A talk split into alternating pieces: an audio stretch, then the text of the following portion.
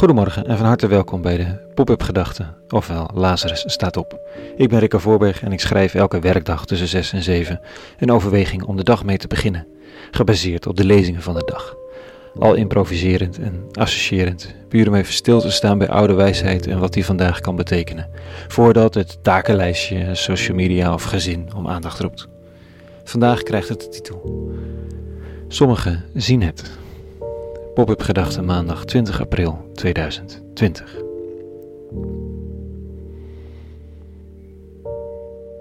De een ziet een bedreiging, de ander een kans. De een ziet gezelligheid, de ander ziet sociale controle. De een ziet een sukkel, de ander een held. Het is maar net in welk frame het valt. Wat doet die dakloze bij de supermarkt? Is hij nou zielig? Is hij moedig? Is hij ondernemend? Of is hij stom geweest? Is het iemand die iets van me moet of iemand van wie ik iets heb te leren? En zo zijn er nog tal van mogelijkheden. Geldt net zo goed voor de vluchtelingen en voor de liefhebbende schoonmoeder. Zelfs voor het moment dat de kinderen vol vreugde op je afkomen stormen. Het ene moment is dat fantastisch. Het andere moment wil je wel met je werklaptopje onder de bank kruipen, want er moet nog iets af. En dat lukt nooit meer nu dat kleine geboefte jou heeft gevonden. Wat zie je? Het hangt nogal af van de situatie. Maar volgens de lezing vandaag is er meer te zeggen. Het hangt ook af van hoe je geboren bent.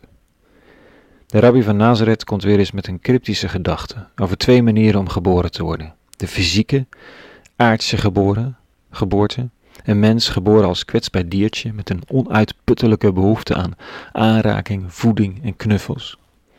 Superschattig. En dat is maar goed ook, anders zou je ze soms ja toch, man, wat een primaire behoeftes. Alles wat niet goed gaat is bij pasgeborenen meteen een ramp, waar de hele buurt van mag meegenieten. als de behoefte gestild is, dan is het ook helemaal goed.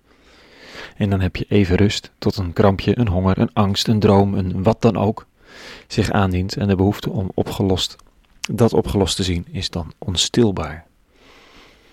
Praat me goed, hè? ik heb geen kritiek op baby's. Het is hoe het gaat. De geboorte van een kwetsbaar mensje gericht op overleven, gedreven vanuit behoefte, die een keel opzet zodra er iets bedreigends is. Empathie is een woord dat pas later geboren wordt. Even de honger uitzitten omdat papa of mama druk is. Of de bedreiging onderzoeken omdat er misschien niets aan de hand is. Het is een andere fase, een andere geboorte. Nu is het roepen en schreeuwen geblazen. De claim van de rabbi is dat niet iedereen over die fase heen komt over die eerste. Althans, zo zou je de lezing van vanochtend kunnen uitleggen.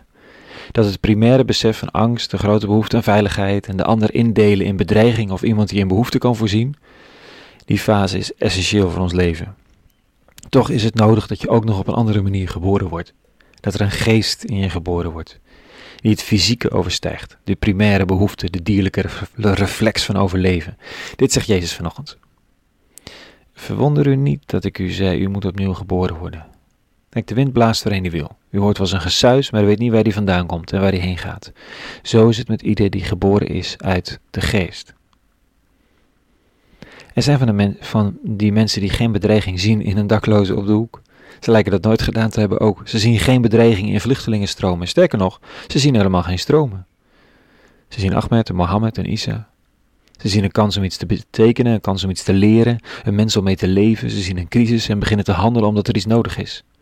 Buurtapps en steun je ondernemer boksen. Zo zitten ze in elkaar, zegt iemand dan. Nou, zegt Jezus, daarvoor moet er een geest in je geboren worden. Wat je eigen geboorte betreft heb je bijzonder weinig in te brengen. Je bent er opeens. Je hebt er niet om gevraagd, niet naar verlangd. De geboorte van een leven met een geest, die verder kan kijken dan directe lichamelijke behoeften, die verbinding kan maken met de geest van een ander, de zachtheid, ongrijpbaarheid, alomvattendheid. En die geboorte kan verlangd worden. Goed, ik geloof eigenlijk niet dat er mensen zijn die niet ook op die manier geboren zijn. Misschien is wel de vraag vooral waaruit je leeft. Als je twee keer geboren bent, kun je ook steeds kiezen wie je bent, waaruit je leeft, welke ogen, welke bril. Niemand weet waar die nieuwe geboorte vandaan komt, maar het is er, gelukkig. En het schijnt aanstekelijk te zijn en leerbaar. Laat ons leren kijken. Tot zover de pop-up gedachten van vanochtend. Een hele goede nieuwe week gewenst en vrede. En alle goeds.